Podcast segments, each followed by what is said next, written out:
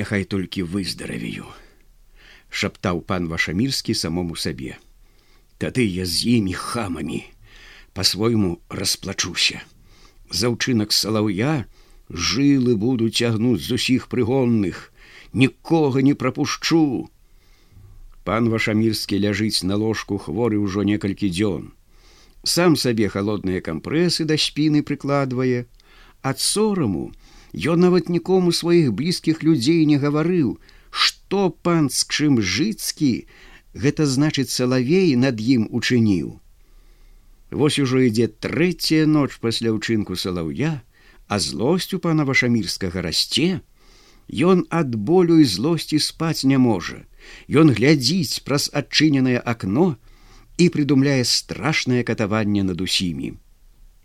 Так яны не лепшыя адзін аднаго.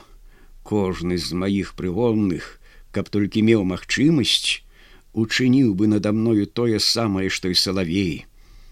Усіх усіх люта пакараю. Праз акно ён бачыць як па начным небе праходзяць чорныя як атрамант хмары з залатымі краямі часам выплывае за хмар акрываўлены серп месяца. Зірне месяц у пакой панава шамірскага ды зноў схаваецца. А ветер гоніць хмары па небе нібы пастух статкі дзівосных жывёлін. То ссоваюцца наперад некалькі аграмадных мядзведзяў без ног.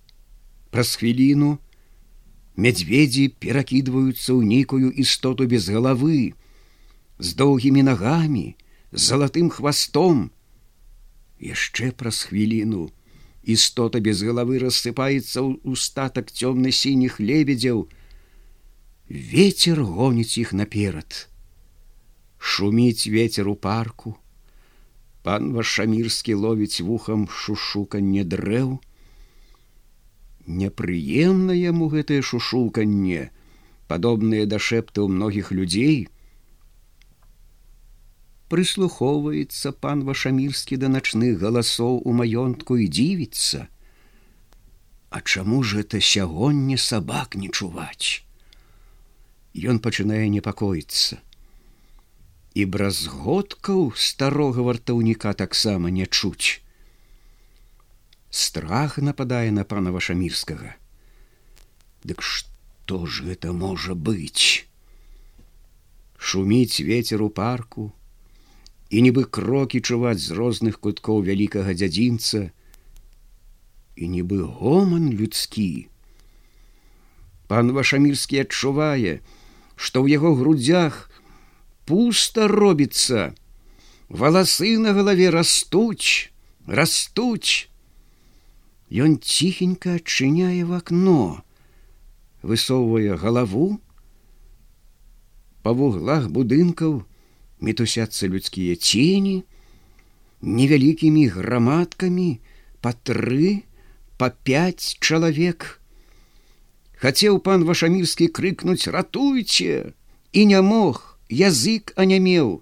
Хацеў шапнуць пан Езус! Ды твар яго скрывіўся.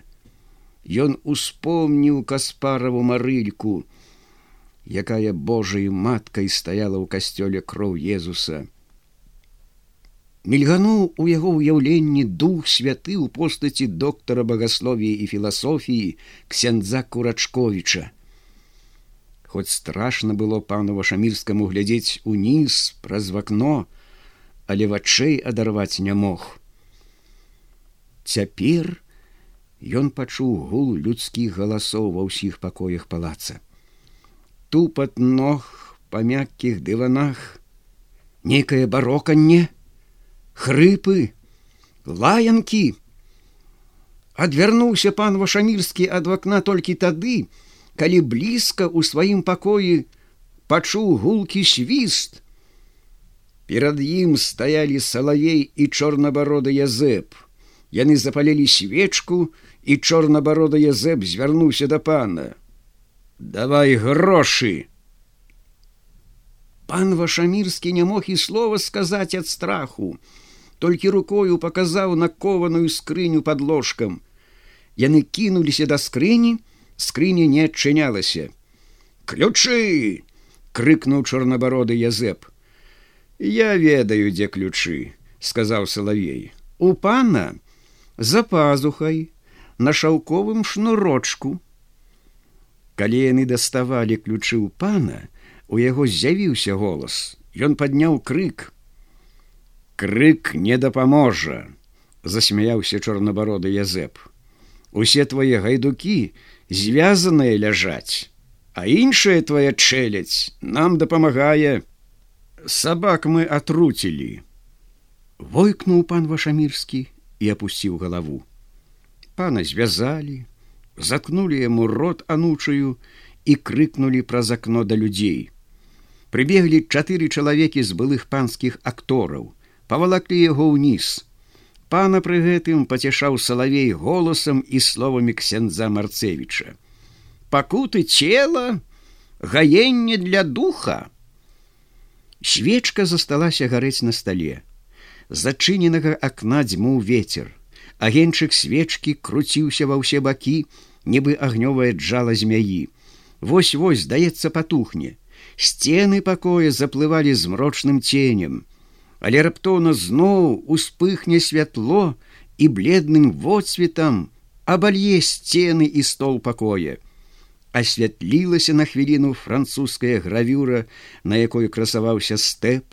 Дзікія коні ў першабытным харастве скакалі па стэпу, ажыўлялася на хвіліну гравюра і зноў нікла ў ценях. Пасярод пакоя стаяла адчыненая кованая скрыня і пара круглых тумбачак, абабітых дарагім аксамітам, ляжалі бокам на падлозе, блішчэлі чышчанай меддзю маленькія калёсікі, прышрубаваныя да тумбачак знізу. Унізе у драўляным будынку, На скотным двары пан угледзеў на падлозе звязаных усіх сваіх адданых людзей, дзікіх гайдукоў, лютага войта і нават ксяндза марцевіча. Салавей паглядзеў ксяндзу глыбока ў вочы, пахлопаў яго па спіне і сказаў у другі раз: « Пакуты цела, гаенне для духа, святыя ваши словы, ойча. Ксёнц марцевич маўчаў. Ён можа нешта сказаў бы, але рот духоўніка быў запханы анучаю. Глядзі, чорнабароды, звярнуўся салавей да атамана. Ксёнц не згаджаецца з тым, што пакуты цела гаення для духа. Пры гэтым салавей паказаў рукою на твар ксяндза марцевіча. Вочы ксяндза на лоб вылазілі ад злосці і натугі. Яны злосна блішчэлі. Вось зараз праколіць імі і салаўя, і чорнабародага язэпа і ўвесь свет. Так так, адказаў чорнабароды язэп. Ксёнц супраць сваіх уласных святых слоў. Гэта вельмі кепска. Сягоння, як паедзе на той свет разам з панам вашамірскім ды з усімі панскімі гіцлямі.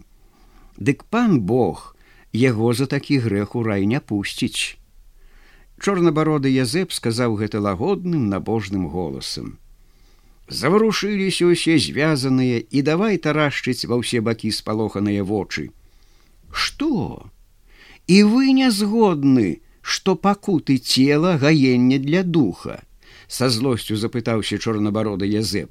Тады і ваше месца ў раі іншыя зоймуць праз некалькі хвілін пасвятлела на дзядзінцы. З усіх будынкаў маёнтка шугала полымя. У падпале прымалі ўдзел усе прыгонныя пана. Прыбеглі людзі з блізкіх вёсак. Ветер рос.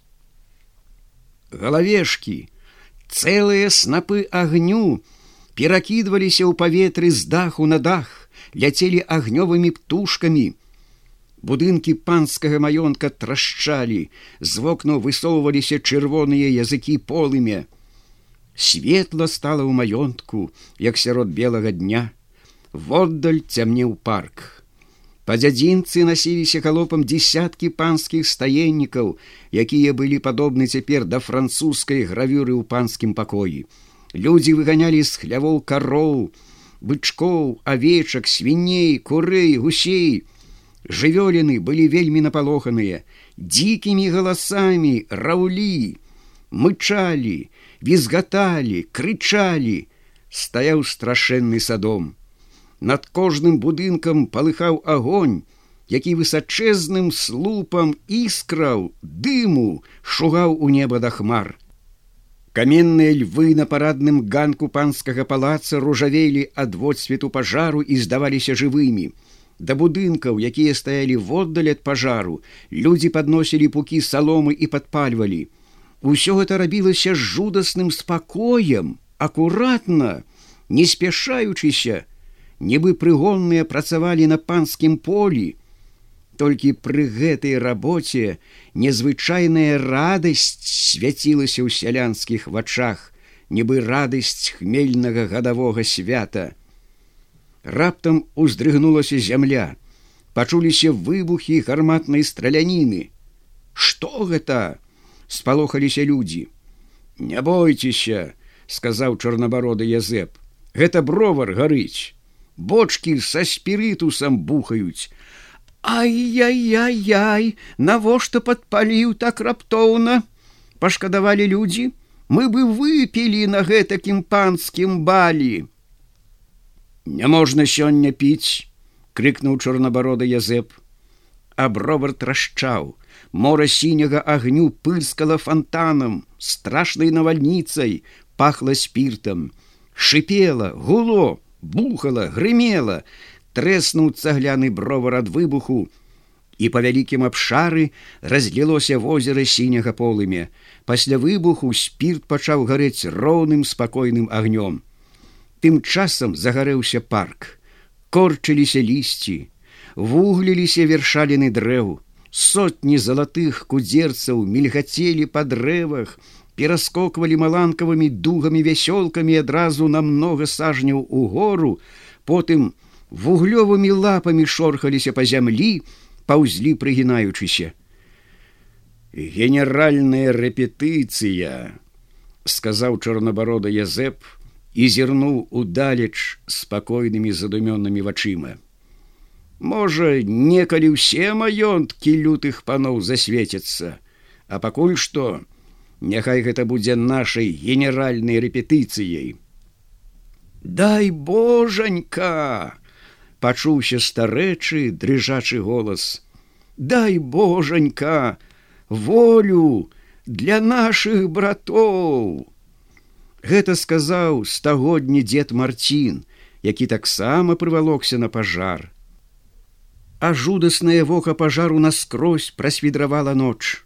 Свяціла на вялікую адлегласць вакол яркай зарніцаю пэўна дзесьці па далёкіх вёсках угледзеўшы зарніцу думалі што сонца ўзыходзіць.